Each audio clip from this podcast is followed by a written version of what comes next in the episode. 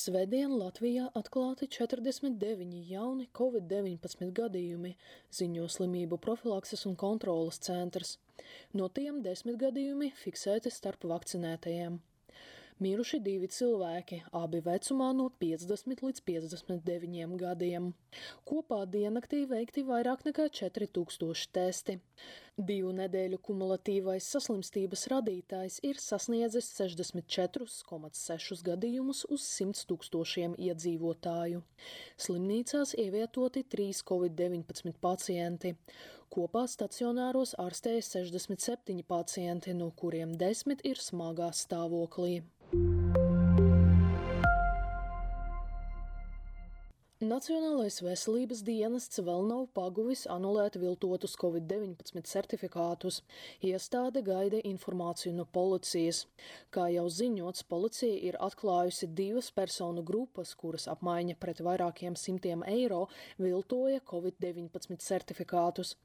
Viņu pakalpojumus varēja izmantot vairāk nekā 200 cilvēki. Policija aicina klientus brīvprātīgi sazināties ar policiju un atzīties, lai izmantot likumā paredzēto iespēju atbrīvoties no krimināla atbildības.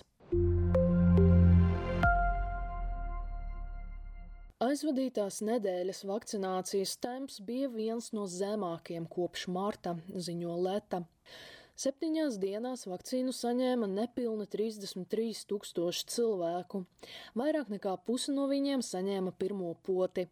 Tikmēr līdz 15. augustam 66% izglītības iestāžu darbinieku ir saņēmuši pirmo poti pret covid-19, paziņoja izglītības un zinātnes ministre Anita Mužniece. Vislielākais vakcinēto īpatsvars joprojām ir augstskolās - 82%. Viskutrāk potējas pirmskolas iestāžu darbinieki ar 56%, ar 56 vakcinēto pedagogu.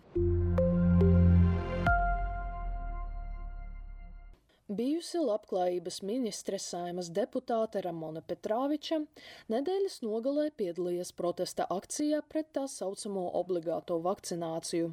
Par to liecina pašas politiķas publicētās bildes sociālajā tīklā Facebook.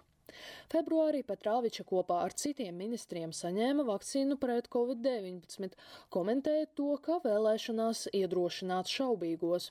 Tāpēc viņas dalība protesta akcijā izraisīja neizpratni. Sarunā ar Delfi politiķa norādīja, ka vakcinējoties februārī tika uzsverts, ka vakcinācija būs brīvprātīga.